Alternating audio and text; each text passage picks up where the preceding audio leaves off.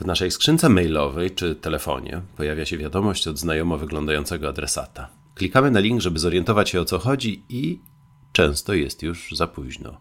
Przez różne formy cyberataków tracimy czas, pieniądze i mnóstwo nerwów. Dotyczy to nie tylko osób prywatnych, ale też firm czy poważnych instytucji publicznych. Jakie kategorie zagrożeń czyhają na nas w internetowym świecie? Czy jesteśmy na nie przygotowani?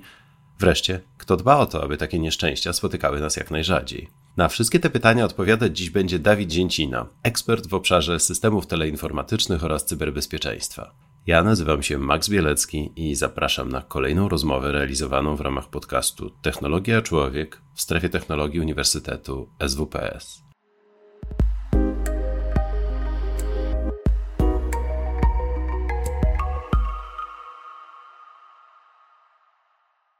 Słuchasz podcastu z cyklu Technologia Człowiek, realizowanego w ramach Strefy Technologii Uniwersytetu SWPS. Więcej wiedzy o wpływie technologii na ludzi znajdziesz w kanałach naszego projektu na YouTube i Spotify.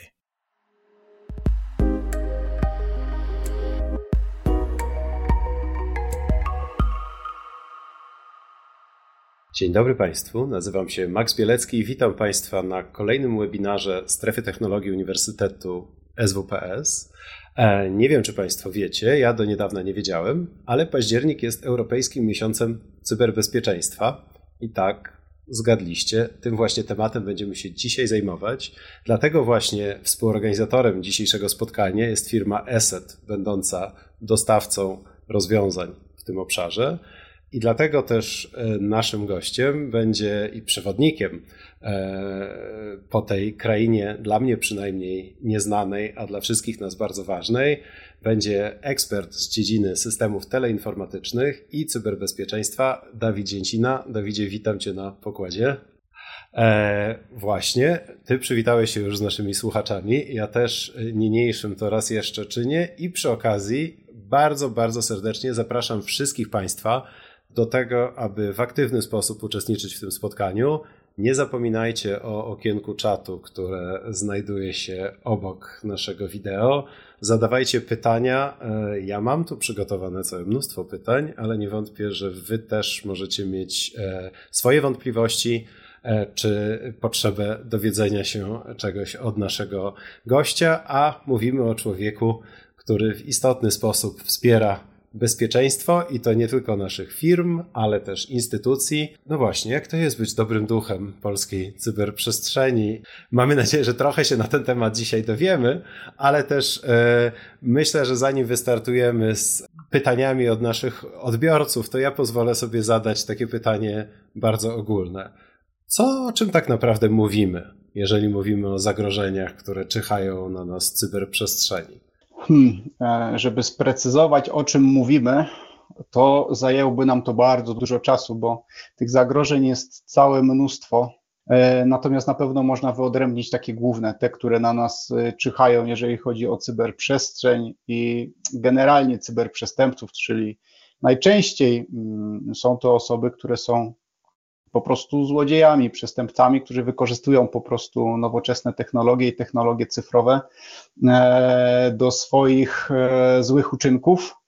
Mm, natomiast to jest tak, że z, tych, z tego całego no, spektrum cyberzagrożeń moglibyśmy sobie wyodrębnić takie, które najczęściej nas dotykają i te, które najczęściej nas dotykają, e, to tutaj użyję takich e, e, terminów z branży, natomiast możemy potem sobie rozwinąć, co one oznaczają i czym są w szczegółach.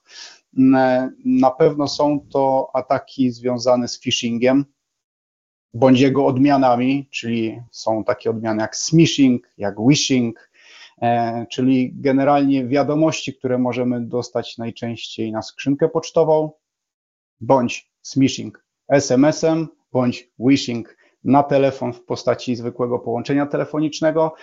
E, I ten e, komunikat, który jest do nas e, bez względu na właśnie medium kierowany, jest ukierunkowany na wyciągnięcie od nas pewnych informacji, zazwyczaj informacji odnośnie naszych danych do logowania do danego portalu, danych do e, logowania do e, na przykład aplikacji związanej z bankowością elektroniczną. To jest cała taka grupa najbardziej powszechnych ataków, z jakimi teraz mamy do czynienia. Drugą, podobną, ale jednak nieco różniącą się jest scam.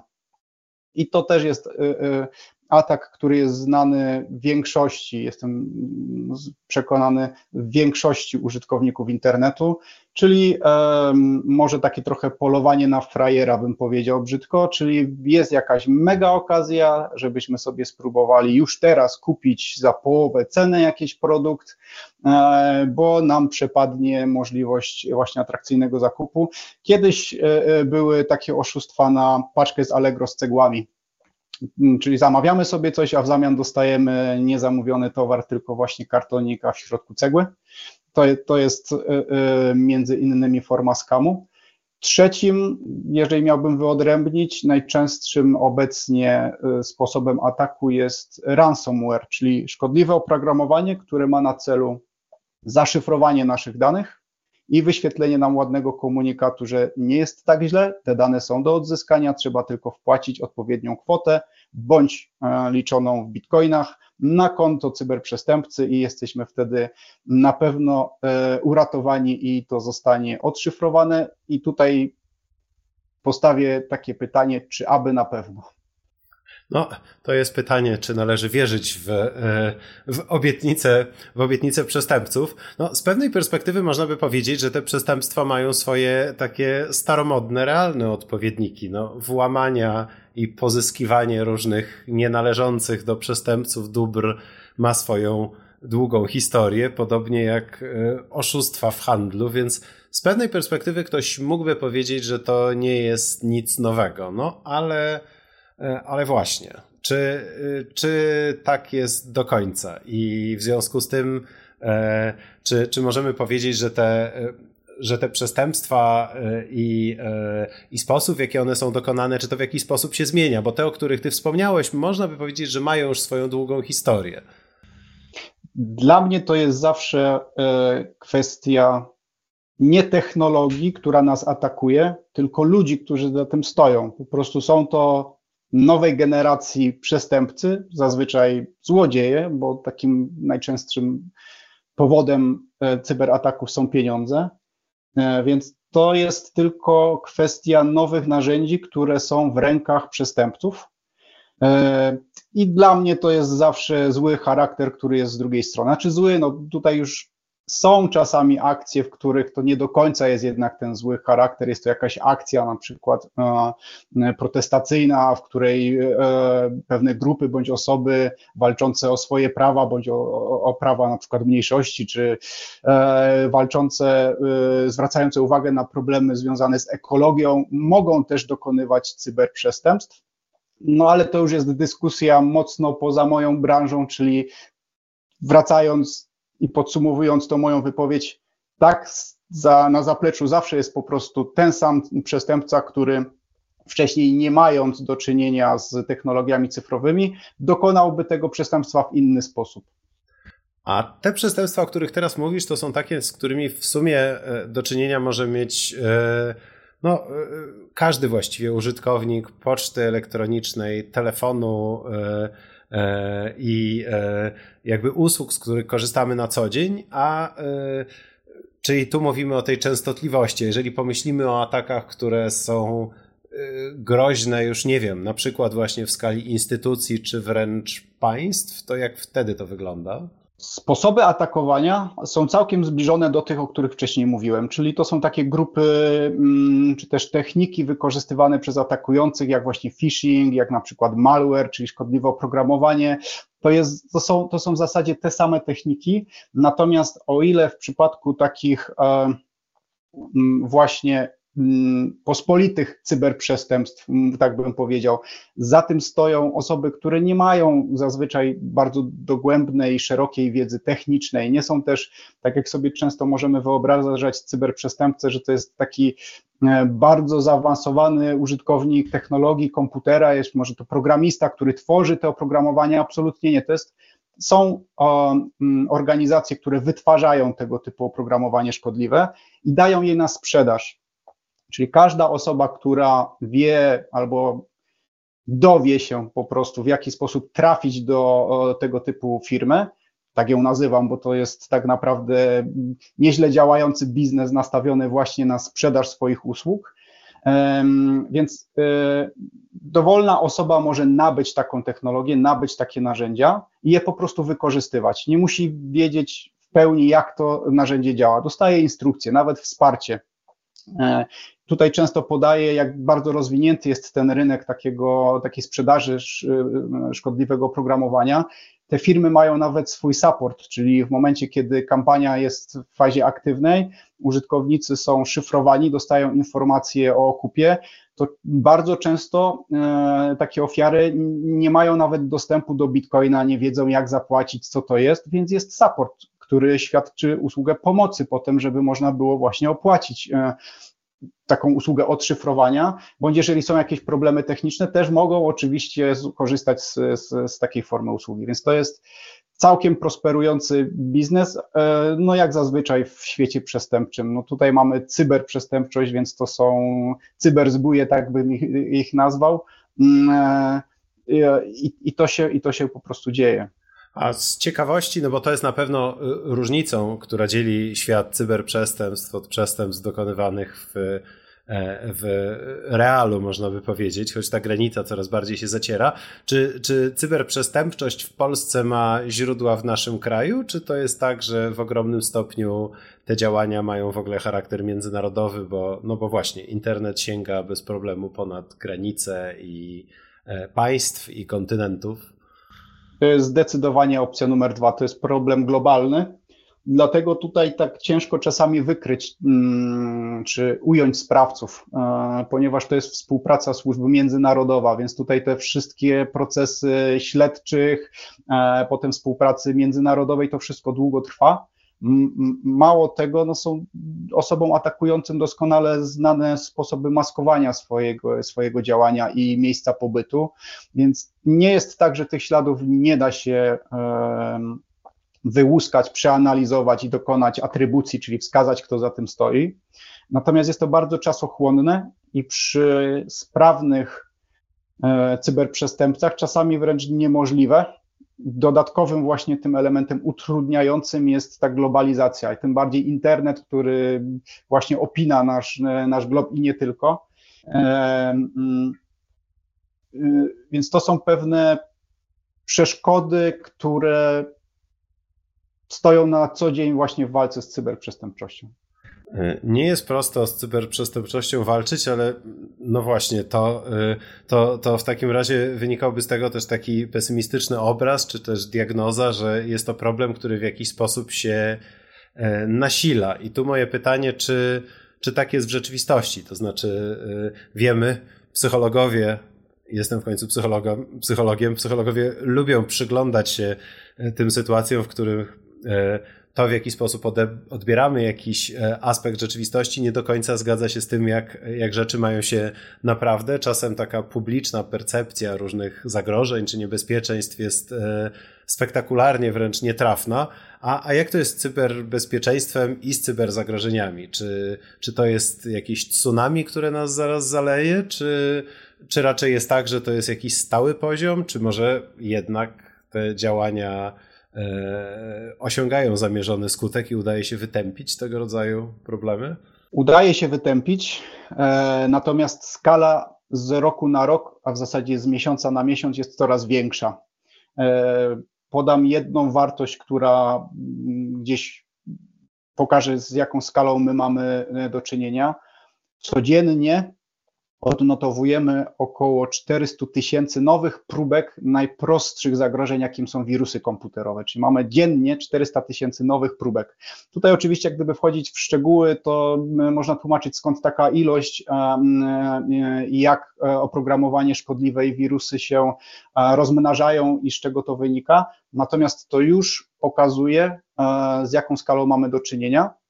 Dwa, cyberprzestępcy bardzo szybko reagują na, na sytuacje pewnych, mm, na sytuacje na świecie. Czyli jeżeli mieliśmy, tutaj najświeższe, najświeższe dwa przykłady e, podam. Mieliśmy początek e, pandemii była bardzo duża ilość cyberprzestępstw związanych z e, kampaniami właśnie phishingowymi, związanymi ze środkami higieny, z różnymi e, sensacyjnymi czasami informacjami, więc to było bardzo szybko wykorzystywane przez cyberprzestępców. Teraz mamy kolejną falę związaną z sytuacją na Ukrainie, gdzie Polska jest szczególnie narażona na tego typu ataki, z tego względu, że e, bardzo dużo mm, uchodźców e, w sposób naturalny mm, e, do Polski przybyło. Dwa, jesteśmy atakowani jako największy sojusznik Ukrainy, jeden, jeden z największych, więc wpływ na, mm, na nas jako społeczeństwo przez różnego rodzaju siły, które wykorzystują cyberprzestrzeń, e, jest bardzo widoczna. Ilość ataków, właśnie wykorzystując kampanie phishingowe w stosunku do e, roku poprzedniego, wzrosła o 40%. W związku z tym wszystkie wskaźniki pokazują, że tych cyberprzestępstw jest coraz więcej. E, na naszym e, terytorium, czyli na terenie, na terenie kraju, czy powiedzmy w tej części cyberprzestrzeni, gdzie my jako Polacy cyfrowo sobie żyjemy, przy czym są też oczywiście odnotowywane spadki niektórych e, form ataku, natomiast sumarycznie jest ich coraz więcej z roku na rok. No to tu e, kusi mnie, żeby dopytać się e, o źródła tej wiedzy, dlatego że jeżeli mówimy o tradycyjnej przestępczości, znowu użyję tego jako pewnej analogii, to bardzo często mówimy o tym, że mamy przestępstwa wykryte i mamy jakąś szacowaną tę ciemną liczbę przestępstw, które są, nie wiem, niezgłoszone, niezauważone, niewykryte, no z różnych przyczyn może to, może to wynikać. Jak właściwie monitoruje się to, co dzieje się w cyberprzestrzeni i co, i co stanowi yy, yy, źródło, na podstawie którego ty możesz na przykład właśnie powiedzieć, ilość ataków danego rodzaju wzrosła o 40%. Czy mówimy tu o udokumentowanych? Skąd właściwie czerpiemy tego rodzaju informacje?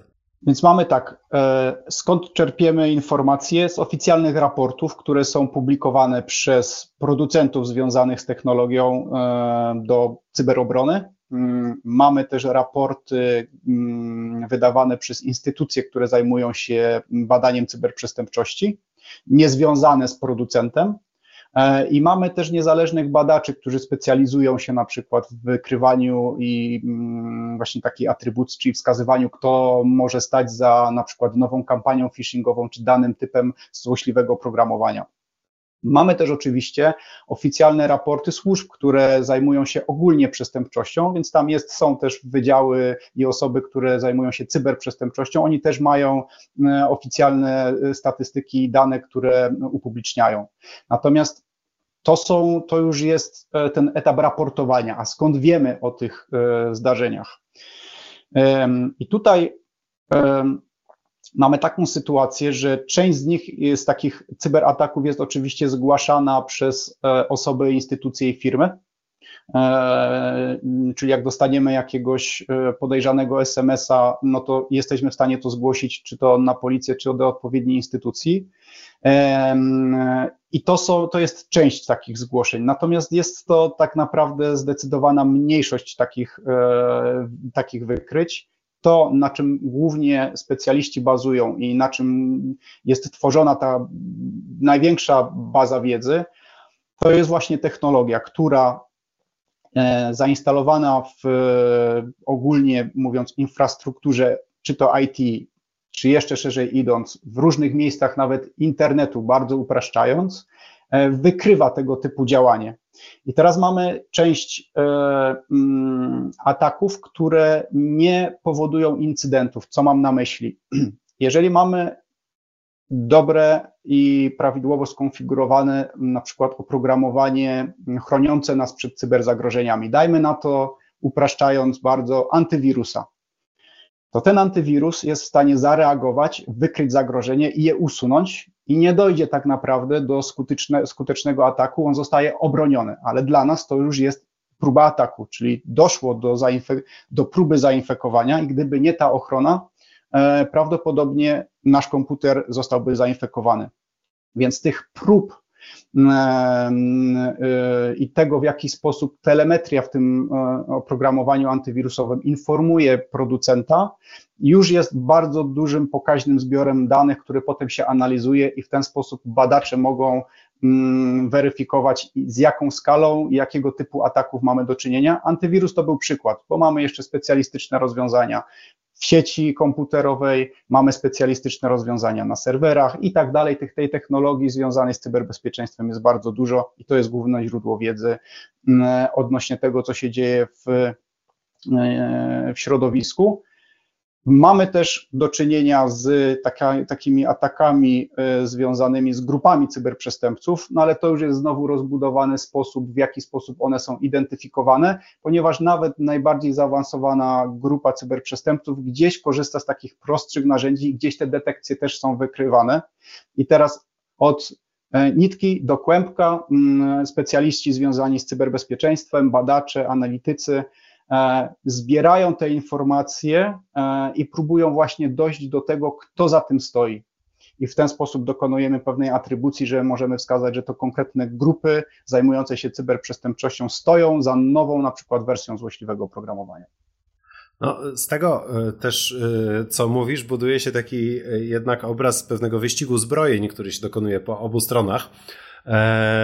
I, e, co, I takiej ciągłej ewolucji rozwiązań. Z jednej strony, e, można powiedzieć, po tej jasnej, e, tak, po jasnej stronie mocy, z drugiej strony, jeżeli chodzi o działania jakichś organizacji, grup przestępczych, czy, czy nawet jednostek, które, które mogą być groźne, kusi mnie, żeby w tym kontekście zapytać o o przyszłość wobec tego i o stronę, w którą tego rodzaju zjawiska zmierzają. No bo z perspektywy takiego końcowego użytkownika technologii, no to można powiedzieć, że dziś na przykład, e, nie wiem, możliwość e, e, skutecznego tak naprawdę wytworzenia, no przynajmniej iluzji czyjegoś głosu tak naprawdę i cała ta deepfake'owa technologia już zaczyna czyhać tuż za rogiem i teoretycznie można sobie, pewnie tak naprawdę już to się dzieje, e, tak? Można wyobrazić sobie, że dzwonimy do kogoś i nagle w słuchawce e, tamta osoba słyszy dobrze znajomy głos, w związku z czym podzieli się jakimiś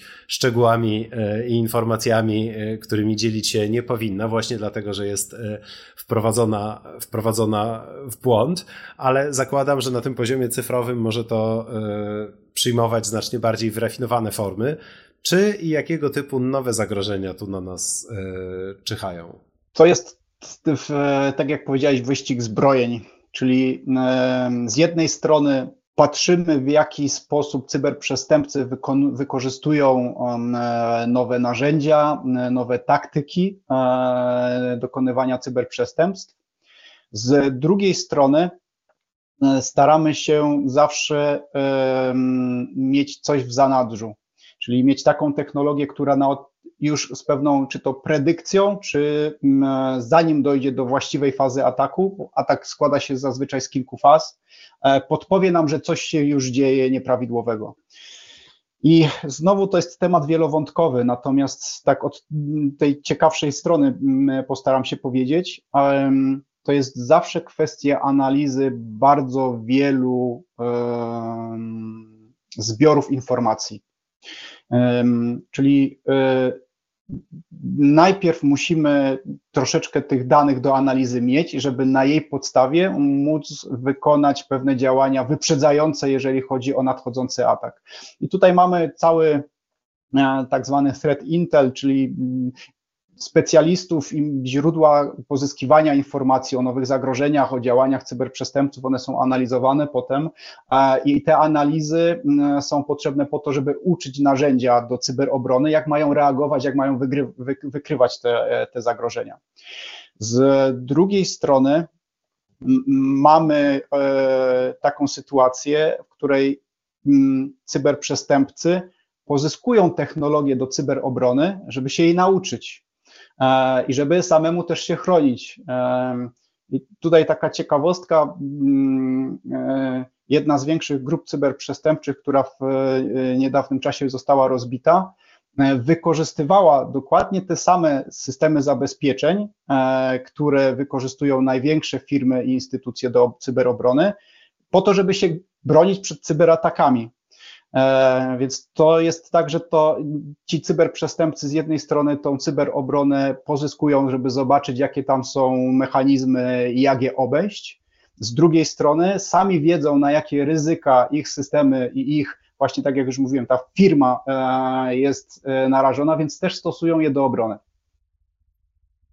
To, to brzmi dość paradoksalnie, no ale to też jest w sumie, można powiedzieć, dość dość naturalne, że zazwyczaj też e, znowu używając tej rzeczywistej metafory, zazwyczaj e, domy przestępców są dobrze uzbrojone e, i, i zazwyczaj też można, jak słuchamy jakichś raportów policyjnych, to w kontekście aresztowań też zwykle okazuje się, że oni nie prowadzą beztroskiego życia, tylko wręcz przeciwnie, uzbrojeni po zęby gdzieś muszą się chować. Rozumiem, że w cyberrzeczywistości bywa, bywa podobnie. Wspomniałeś tutaj o instytucjach, o firmach i o tych takich większych podmiotach. Czy, czy jest coś szczególnego w tym, jak e, atakuje się właśnie tego rodzaju podmioty? No bo rozumiem, że e, można próbować wysłać do mnie takiego maila informującego mnie, że jak tylko kliknę na link, to dowiem się wiele na temat spadku, który nieoczekiwanie nam dostałem. Zazwyczaj, zwłaszcza kiedyś te maile rozczulały swoją nieporadną formą. Teraz jest już pewnie trochę lepiej, ale ostrożni ludzie nie robią takich głupot i w tego typu linki nie klikają. Do tego e, jeszcze, jeszcze wrócimy, ale chciałem się dowiedzieć, jakiego typu zagrożenia czyhają na, na właśnie duże instytucje i firmy i czy, i czy to jest jakoś inaczej? I gdybym miał generalizować, i w tą stronę na razie pójdę, to wygląda to w sposób zbliżony, czyli e, celem, a dla, czy powodem, dla którego te firmy są atakowane, to są po prostu pieniądze, które cyberprzestępca chce w ten sposób e, z firmy wyciągnąć. Mm, sposobów, żeby do tej kasy się dobrać, jest kilka. Najczęstsza jest taka, jak na jaką też, e, że tak powiem, użytkownik cywilny internetu ma do czynienia, czyli ransomware, czyli to oprogramowanie, które powoduje, że mm, e, informacje są zaszyfrowane, pojawia się prośba o okup. E, oczywiście jest też cały szereg cyberprzestępstw związanych z mm, nieuczciwą konkurencją, czy próbą szpiegowania, cyberszpiegowania. To są też zagrożenia, na które firmy i największe instytucje są, są narażone. Co więcej, e, poza takim ransomwarem i próbą e, gdzieś szpiegowania, e, czy kradzieżą wartości intelektualnych, to są też działania z poziomu narodowego, czyli instytucje, firmy, które są czy to w łańcuchu dostaw, czy same są operatorem tak zwanych usług kluczowych, czyli tutaj dotykamy infrastruktury krytycznej dla funkcjonowania państwa. Tutaj dużym zainteresowaniem są, cieszą się mm, firmy e, mm, z takiego sektora jak bankowość, e, jak paliwa, jak energetyka. Natomiast tutaj tymi już podmiotami, które atakują, to są zazwyczaj grupy wyspecjalizowane, blisko związane z rządami innych krajów. Więc tutaj mamy już ten aspekt e, też i szpiegowania, jeżeli chodzi o wymiar międzynarodowy, jak i działań e, takich ofensywnych, powiedziałbym destrukcyjnych e, i od paru lat cyberprzestrzeń to też jest jeden z obszarów, które wojsko traktuje jako kolejna linia frontu, która też jest wykorzystywana w trakcie działań militarnych. No tu też pewnie wchodzi E, nie tylko zresztą obszar e, tak rozumianego cyberbezpieczeństwa, ale też takie kwestie bardziej, powiedzielibyśmy, miękkie, związane z e, rozprzestrzenianiem informacji, z manipulowaniem opinią publiczną. Tego rodzaju działań, tego rodzaju działań jest sporo, a teraz w trakcie, teraz w trakcie trwającego konfliktu tuż za naszymi granicami pewnie jeszcze, jeszcze więcej niż zwykle. Chciałbym, żebyśmy w takim razie może już za moment przenieśli się z, tego krai z tej krainy zagrożeń do, do krainy, powiedziałbym, ochrony, czy też jakichś rozwiązań, które możemy wdrożyć, ale zanim się tam przeniesiemy, nie mogę się powstrzymać, mam ochotę zapytać, czy, czy w Polsce i czy w naszej historii właśnie cyberbezpieczeństwa miał miejsce jakiś taki bardzo spektakularny i udany atak, bo przyznam szczerze, że jak przeglądam własną pamięć, to, to nie kojarzę takiego przypadku, w którym rzeczywiście znana firma czy instytucja wpadłaby w takie dostrzegalne z zewnątrz tarapaty, ale mam też natychmiast taką refleksję, że te instytucje na pewno niechętnie by się tym chwaliły, ale czy są jakieś takie informacje o tym, żeby rzeczywiście przydarzyły się tu jakieś takie e, poważne problemy jakimś dużym graczom na polskim rynku? Oczywiście, że tak, e, że się dzieją. Słusznie spostrzegłeś, że e, no nie każdy się chce chwalić tego typu sprawami. E, natomiast spektakularne. No, zazwyczaj jest to kwestia dosyć prostych mechanizmów, na które mimo wszystko te firmy się prędzej czy później, czy to nadziały, czy nadzieją. Natomiast ja bym tutaj może trochę uciekł od Polski, bo bezpośrednio oczywiście w Polsce jest e, mm, z racji tej globalizacji wiele pochodnych ataków na przykład na e, e, Ukrainę. I tutaj bym podał takie przykłady, które Tutaj już odsyłam do przeanalizowania potem szczegółowo w internecie, bo to jest właśnie pokazanie, mm, troszkę, troszkę tutaj nie ma e, czasu na wszystkie szczegóły i analizy, bo mhm. na to już nie jedno, całe konferencje były na, e, na ten temat organizowane. Natomiast pokazanie, jak bardzo cyberprzestrzeń wpływa na kondycję i funkcjonowanie państwa, Ukraina od 2014 roku jest i najlepiej udokumentowanym poligonem działań e, e, obcego państwa. I w 2014 roku bardzo wyraźnie było widać, w jaki sposób jest próba zakłócenia i zmanipulowania procesów wyborów prezydenckich. I to są udokumentowane rzeczy, więc to nie są tutaj opowieści człowieka, który przychodzi i straszy, jakie to cyberbezpieczeństwo jest złe. Tam rzeczywiście e, dochodziło do manipulowania całego systemu, który jest systemem zliczania głosów. E, były próby uniemożliwienia funkcjonowania tego systemu na wielu poziomach, a e, finalnie były próby zafałszowania wyników już bezpośrednio w momencie, kiedy już zostały zliczone. I co ciekawe, e, ponieważ większość z tych ataków udało się odeprzeć, obok tego równolegle toczyła się kampania informacyjna związana z tym, e, jak przebiegają te wybory, i ta kampania informacyjna była przygotowywana w dokładnie taki sam sposób, jak dane, które miały być zafałszowane i wyświetlone jako prawidłowo. Więc tutaj nie mówimy już tylko i wyłącznie o samym działaniu związanym z cyberprzestrzenią, ale właśnie tym infosekiem, czyli w taki, jak informacja wpływa na bezpieczeństwo i jak jest budowana opinia E, e, społeczeństwa, bo to też jest celem ataków, czyli zdyskredytowanie e, w oczach społeczeństwa wiarygodności, która, które ma rząd, które mają służby, które mają chronić właśnie kraj przed tego typu incydentami. Więc 2014 to był taki początek. Działo się mnóstwo, praktycznie kilka takich bardzo spektakularnych i dużych ataków związanych z cyberprzestępczością na Ukrainę. 2017 to był, dlaczego mówię i w tą stronę dążę, e, ponieważ w 2017 był atak, który, mm, gdyby, gdyby tutaj ktoś z Państwa był zainteresowany dalszym szczegółowym analizą, NotPetya. To było oprogramowanie, które było dedykowane do zaatakowania infrastruktury Ukrainy, natomiast spowodowało, że e, na, w kilkudziesięciu krajach E, tak naprawdę dochodziło do zmasowanej ilości cyberincydentów związanych z funkcjonowaniem firm. I jest taka jedna bardzo prężnie działająca na rynku międzynarodowym firma jak Maersk, która została praktycznie całkowicie zmieciona przez ten atak, mimo tego, że no nie jest w żaden sposób związana.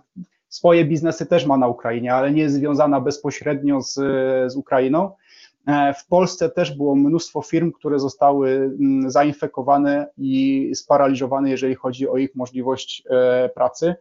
To jest właśnie przykład, gdzie ta globalizacja, mimo tego, że atak był ukierunkowany na Ukrainę, na e, systemy wykorzystywane głównie przez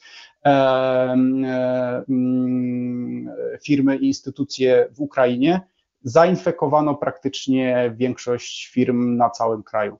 Więc to jest e, tutaj dlatego, ponieważ to jest udokumentowana historia i przebieg e, cyberincydentów na Ukrainie, jej atrybucja jest e, w tej chwili no, z wiadomych względów dosyć szczegółowo z każdej strony przeglądana, więc to według mnie jest jeden najbardziej spektakularny, jak na razie, wieloletni incydent i cyberatak na niespotykaną do tej pory skalę. No, nie powiem, żebyśmy po, e, po wysłuchaniu tej opowieści jakoś mieli spać spokojnie.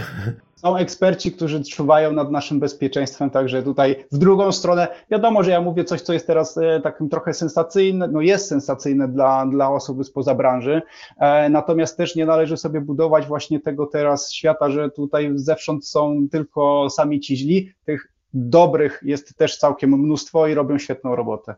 Okej, okay, to, to w sumie może od tego, zanim zaczniemy rozmawiać o tym, co konkretnie możemy zrobić, mógłbyś trochę o tych dobrych opowiedzieć, bo w pewnym sensie z perspektywy yy, znowu użytkownika technologii, to ona po prostu jest i działa i w większości z nas nie dzieją się straszne rzeczy w związku z tym, że jej używamy.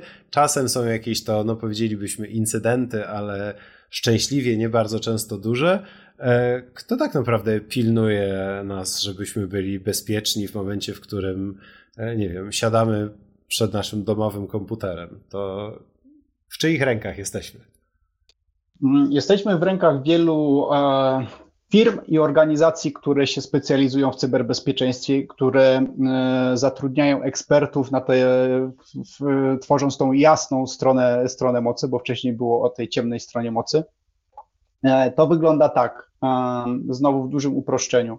Technologia, z której korzystamy, musi być rozwijana i musi mieć właśnie odpowiednio aktualne informacje bądź takie mechanizmy, które będą się uczyły tych nowych zagrożeń.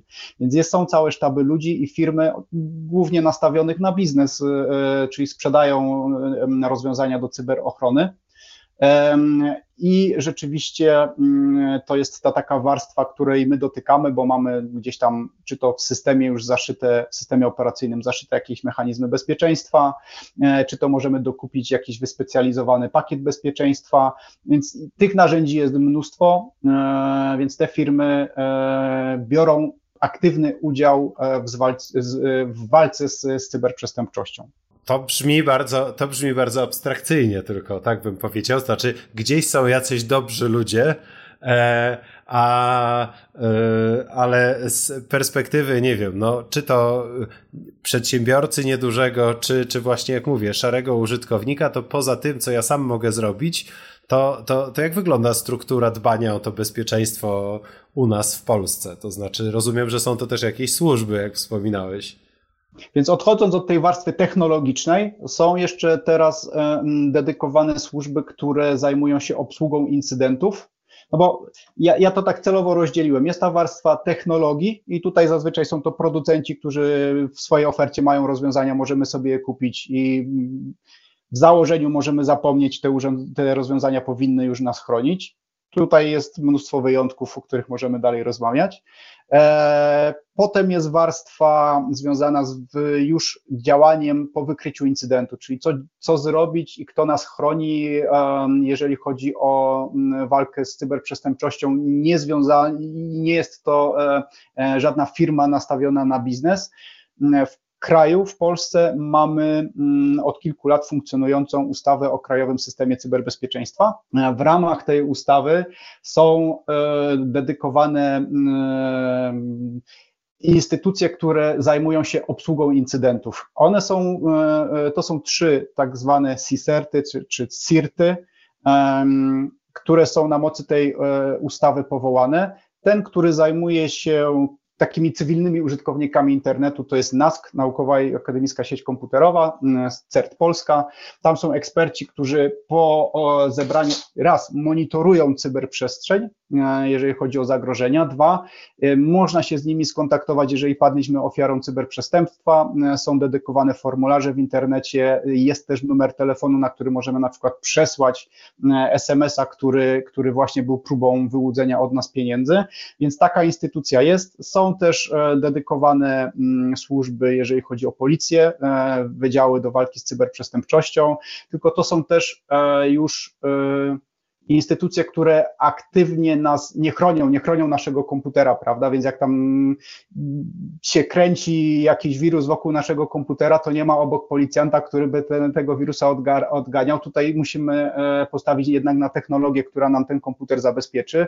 Natomiast potem już ściganie cyberprzestępców, to są już dedykowane wydziały. E, mamy też oczywiście cyberwojska. Cyberwojska są podzielone na ochotników, czyli WOT i ten komponent e, zawodowych żołnierzy cyberwojska też. E, więc na wielu tych płaszczyznach w ciągu ostatnich lat bardzo profesjonalnie w Polsce podeszliśmy do rozwoju tych dedykowanych instytucji i zespołów ekspertów i rzeczywiście to, co mówiłem wcześniej, e, znając tych ludzi, znając w jaki sposób te, te zespoły są tworzone, e, ja śpię spokojnie, także tutaj e, ekspertów mamy naprawdę wysokiej klasy. Co więcej, ponieważ odrobiliśmy pracę domową i od momentu, kiedy bardzo wyraźnie było widać, jak cyberprzestrzeń wpływa na bezpieczeństwo narodowe, chociażby właśnie po 2014 roku i po analizie incydentów na Ukrainie, mm, Bierzemy teraz, ponieważ mamy już tą pewną dojrzałość, ja ją tak oceniam, e, służb i wyspecjalizowanych jednostek do walki z cyberprzestępczością, jesteśmy w stanie aktywnie pomagać naszym właśnie sąsiadom w, w chwili kryzysu i aktywnych ataków e, właśnie w cyberprzestrzeni. No, to, to jest bardzo pocieszająca wiadomość, bo umówmy się już nie wchodząc w jakieś e, wątki polityczne, od których trzymamy się bardzo daleko e, w ramach tego podcastu. No, e, nie ma co ukrywać, że są takie obszary funkcjonowania w naszym kraju, co do, którego, co do których nie ma wątpliwości, że przydałaby się tu jakaś interwencja i sprawne działanie rozmaitych służb głośnych przykładów, choćby możemy pomyśleć o stanie powietrza w miastach polskich na przykład, to rozumiem, że jeżeli chodzi o cyberprzestrzeń, to akurat jest dobrze w Twojej ocenie. Tutaj dopowiem, zawsze może być lepiej. To nie jest tak, że już mamy taki poziom, którego nie jesteśmy w stanie przebić. Natomiast e, pokazując, jak to wygląda właśnie z drugiej strony, mogę powiedzieć, że w tych e, instytucjach pracuje wielu ludzi, którzy mają w sercu orzełka a, i dobro narodowe, interes narodowy jest dla nich bardzo ważny działają ponad y, kwestiami związanymi z polityką oni się skupiają na tym, żeby pomóc e, tak bardzo jak mogą mm, e, swoim rodakom i nie tylko. E, I to jest ich głównym celem i misją, jaką w ramach służby dla, dla kraju wykonują. Więc nawet jeżeli jakieś obszary zdecydowanie wymagają poprawy, i gdzieś się przetaczają rozmowy z jednej, z drugiej strony, jak to powinno wyglądać, tak ja patrzę na ekspertów, którzy siedzą i rzeczywiście wykonują tą robotę, a nie zajmują się właśnie tym elementem, którego chcemy uniknąć, czyli gadaniem o polityce. No, jest to skądinąd niezwykle ciekawe, dlatego że y, powiedziałbym, że jak na wagę całej tej sfery w naszym życiu i w naszej gospodarce, to jest to, powiedziałbym, jednak temat w ogromnym stopniu nieobecny w takim dyskursie y, publicznym. To znaczy i, i, i społeczeństwo, i dziennikarze, i politycy o różnych rzeczach lubią rozprawiać, a tego tematu, tego tematu może zresztą i chwała Bogu. E, nie ma tak bardzo, nie ma tak bardzo dużo. Okej, okay, to skoro możemy, powiedzmy, że być spokojni w miarę na poziomie tego, co dzieje się, e, całego tego ekosystemu, e, tych elementów ekosystemu e, cyberbezpieczeństwa, o które e, dbają odpowiednie służby, to teraz przejdźmy jednak do sfery naszej prywatnej odpowiedzialności, to znaczy tego, co my jako indywidualny przedsiębiorca albo indywidualny użytkownik możemy robić, a może najpierw zacznijmy od oczywistych i mniej oczywistych e, rzeczy, których robić nie powinniśmy. No, powiedzmy, że ten poziom klikania w tajemnicze linki w zupełnie nieznanych mailach jest pewnie naszym słuchaczom, mamy przynajmniej taką nadzieję, e, to jest pewnie jakiś poziom oczywisty i takich porad e, możemy zawsze udzielić, ale, ale to wszyscy wiemy. A czy są takie rzeczy, które ludzie często robią i nie zdają sobie sprawy z tego, że to może być niebezpieczne, że robić tego nie powinni? Kwestia związana z cyberhigieną to jest coś, co, tak jak powiedziałeś, zakładam, że już każdy tyle razy słyszał, że to jest, są oczywiste oczywistości, ale nawet w takiej sytuacji warto podkreślać, że to jest istotne, bo tak samo jak przed chwilką sobie rozmawialiśmy o cyberbezpieczeństwie już na takim poziomie e, krajowym, jakie są służby i tak dalej, to zawsze my mamy aktywny udział w tym, jak bardzo jesteśmy cyberbezpieczni i w jaki sposób ta walka z cyberprzestępczością się odbywa. Więc ta cyberhigiena i te podstawowe zachowania związane z użytkowaniem internetu E, powinny być ciągle i ciągle e, powtarzane i wyciągane mm, dla przypomnienia. Natomiast z takich e, mniej oczywistych rzeczy, to ja bym tutaj tak pokazał trochę w, w kontrze pewne rzeczy, żeby pewien proces myślowy mm, zainicjować. Mianowicie, bardzo często widzę, że użytkownicy komputerów mają pozaklejane bądź pozasłaniane kamerki, bo się boją, że ktoś ich będzie podglądał i w jaki sposób potem z tego zrobi e, e, użytek. E, nie wykluczam takiego scenariusza, on jest możliwy. Natomiast na ile bardziej możliwy jest taki, że telefon komórkowy, który mamy zawsze ze sobą, zdecydowanie częściej niż komputer bądź przenośny czy to stacjonarny, ma aż trzy kamery zazwyczaj, jedna z przodu, dwie bądź więcej z tyłu, ich nie zaklejamy. Więc tutaj właśnie trochę sięgam do tej cyberhigieny, że z jednej strony strasznie boimy się, że ktoś nam przez laptopa będzie w kamerkę podglądał, a już się nie obawiamy tego, że w, w telefonie komórkowym ktoś nas będzie podglądał. Więc tutaj nie bez powodu to pokazuje, że to nasze trochę myślenie jest takie, że my wiemy, że te zagrożenia są, e, natomiast tak bardzo wybiórczo do nich podchodzimy. Kolejna taka rzecz, która e, wpływa na nasze mimo wszystko cyberbezpieczeństwo, to jest sposób dzielenia się pewnymi informacjami. E, może nie w taki sposób werbalny, czyli nie musimy o nich mówić, ale jeżeli mam telefon komórkowy, który jest zabezpieczony jakimś hasłem bądź jakimś znakiem, i ja jestem w środkach komunikacji e, zbiorowej typu autobus, pociąg, E, i wielokrotnie używam tego samego znaku bądź pinu, żeby odblokować ten telefon, no to cała cyberhigiena zabezpieczenia tego telefonu bądź smartfona, no po co to wszystko, skoro nie myślimy o tym, że tak naprawdę możemy być podglądani nie przez tą kamerkę w naszym komputerze, tylko przez ramię po prostu, prawda?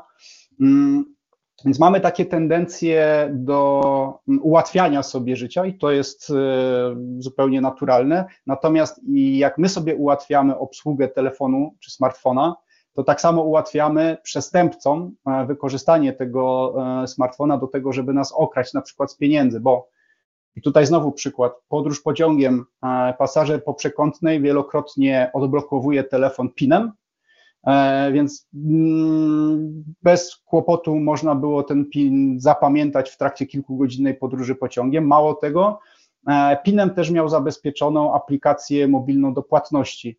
W związku z tym no, wystarczyło przejąć tylko ten telefon e, i miałbym, czy osoba, która, która podróżowała razem z, z, z, z tym z tutaj opisywanym osobnikiem, pełen dostęp do płatności elektronicznych. E, zabezpieczenie pod tytułem dostajemy SMS-a, żeby zweryfikować tam jeszcze dodatkowo jakiś PIN, trzeba wpisać, przepisać z SMS-a.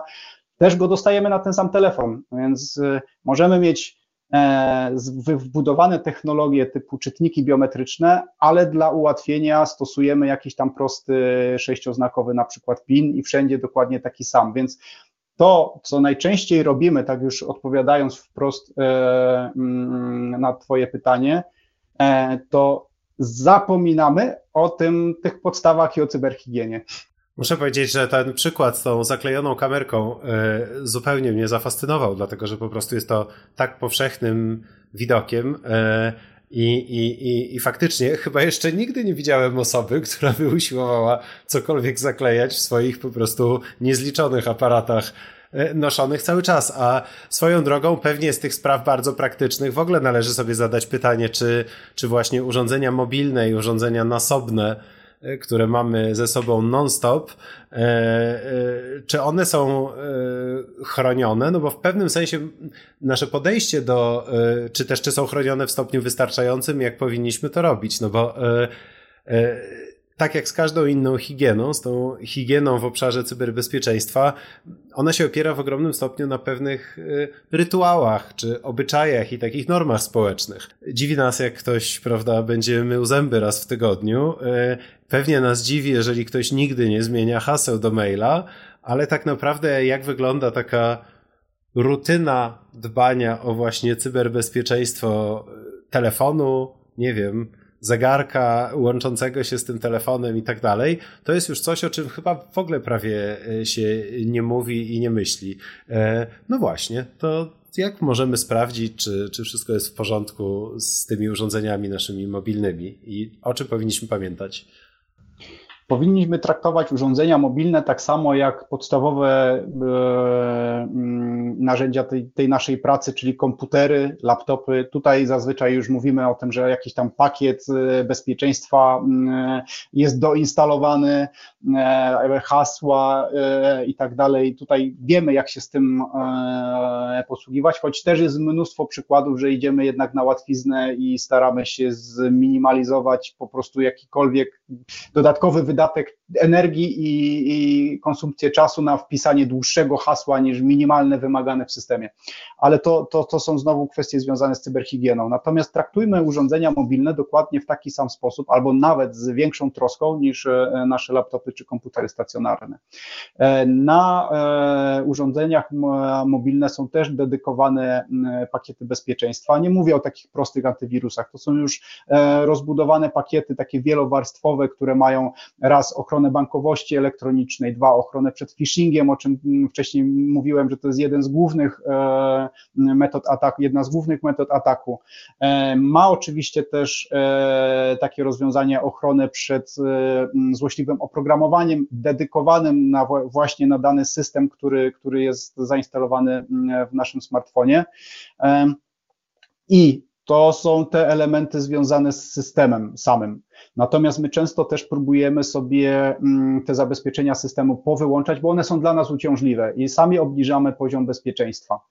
Z tego też e, unikajmy. I trzeci, trzeci taki e, element, jak powinniśmy dbać o nasze e, smartfony, urządzenia, to jest mm, kwestia zabezpieczenia dostępu fizycznego.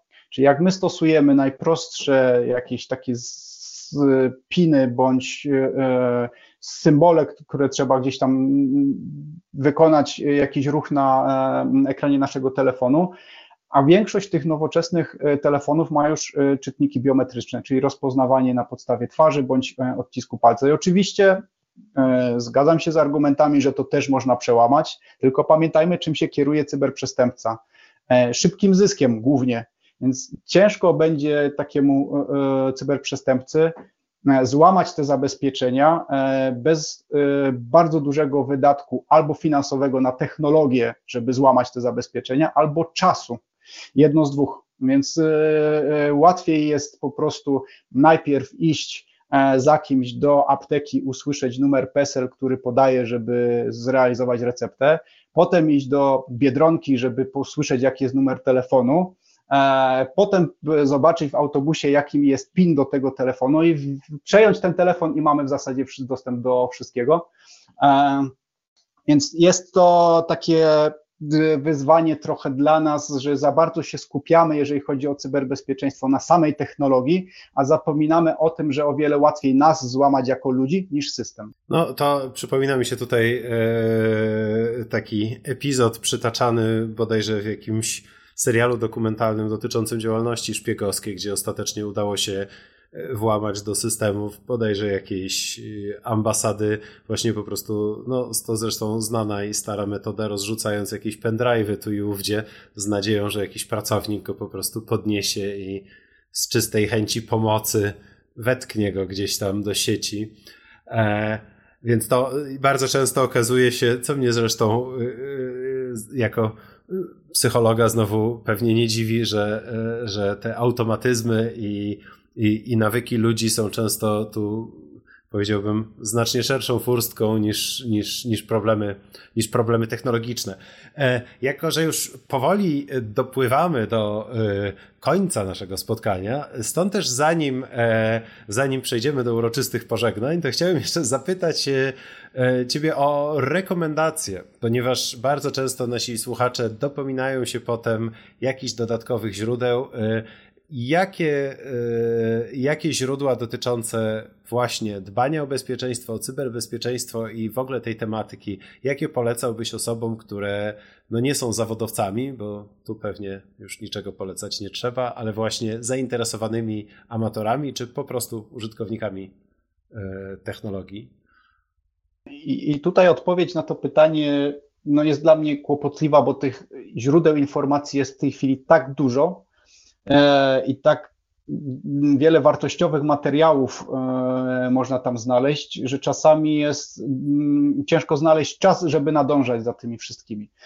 No, powiedziałbym, że ze wszystkich klęsk, klęska urodzaju jest akurat chyba najprzyjemniejszą. Coś nam poleci.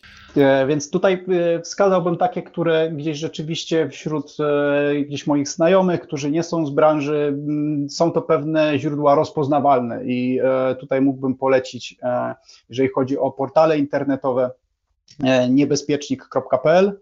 Tam na bieżąco są najciekawsze i czasami te mniej oczywiste elementy związane z cyberbezpieczeństwem podawane. Mogę też polecić e, blog.dagma.pl. Tam i od strony technologicznej, i od strony takich zagrożeń dla e, przeciętnego użytkownika internetu jest sporo ciekawych e, materiałów, jak i porad, w jaki sposób się chronić. E, I jeszcze y, taki portal jak sekurak.pl, tu już troszkę bardziej technicznie, e, natomiast też e, te najbardziej bieżące zagrożenia dla nas są podawane. To z takich obszarów raczej tej polskiej cyberprzestrzeni i polskich portali, gdzie te informacje można o tych informacje można pozyskać. YouTube, także tam jest wielu twórców w polskich, którzy o cyberbezpieczeństwie mówią. Kacper Szurek to jest taki gość, który bardzo ciekawie i życiowo mówi o różnych aspektach związanych z cyberbezpieczeństwem. E, bardziej już e, dla użytkowników czy dla osób, które z jednej strony mm, E, są niezwiązani z, z branżą cyberbezpieczeństwa, ale potrzebują jednak y, szerszego kontekstu i może czasem bardziej informacji, y, bardziej takiego technicznego, czasem bardziej e, powiedziałbym związanego z prawem, jeżeli chodzi o, o cyberbezpieczeństwo. YouTube i Fundacja Bezpieczna Cyberprzestrzeń, e, tam w miarę regularnie się pojawiają materiały. Ja podaję te, które właśnie często są aktualizowane, więc na bieżąco można tam śledzić pewne trendy. E, więc to myślę już jest i tak tak dużo informacji z tych e, kilku źródeł, e, że nie ma sensu podawać więcej, chociaż kusi mnie bardzo, żeby tutaj bardzo długą listę podać, z której ja gdzieś też bardzo lubię korzystać. Natomiast sam wiem, że potem ten nadmiar informacji powoduje, że zapamiętaj, zapisz na później i już do tego potem nie wracamy. To w takim razie ja pozwolę sobie tu jeszcze e, polecić jedno istotne źródło informacji, a mianowicie e, e, bardzo wiele ciekawej wiedzy odnajdą Państwo także na stronach firmy ESET, która w związku z tym, że jest producentem cyberzabezpieczeń, a także współorganizatorem dzisiejszego spotkania, informacjami tami, takimi także dzieli się ze światem, więc bardzo, e, bardzo zachęcamy, aby tam zajrzeć. E, e, Dawidzie, bardzo dziękuję Ci za czas i wszystkie informacje, którymi się z nami podzieliłeś. Myślę, że wszyscy będziemy teraz rozsądniej, ale i może z nieco jednak większą troską spoglądać na różne otaczające nas urządzenia. Przy czym, no właśnie, mam nadzieję, że ta troska to będzie, to będzie raczej większa dbałość niż więcej zmartwień. Bardzo raz jeszcze dziękuję. Dziękuję też wszystkim naszym słuchaczom i tradycyjnie po pierwsze zapraszam na kolejne nasze spotkania i webinary w strefie technologii Uniwersytetu SWPS i oczywiście zanim spotkamy się w kolejnym odcinku do czytania, oglądania i słuchania naszych materiałów e, na naszych blogach, e, na YouTubie i w różnych serwisach podcastowych. Do usłyszenia i do zobaczenia.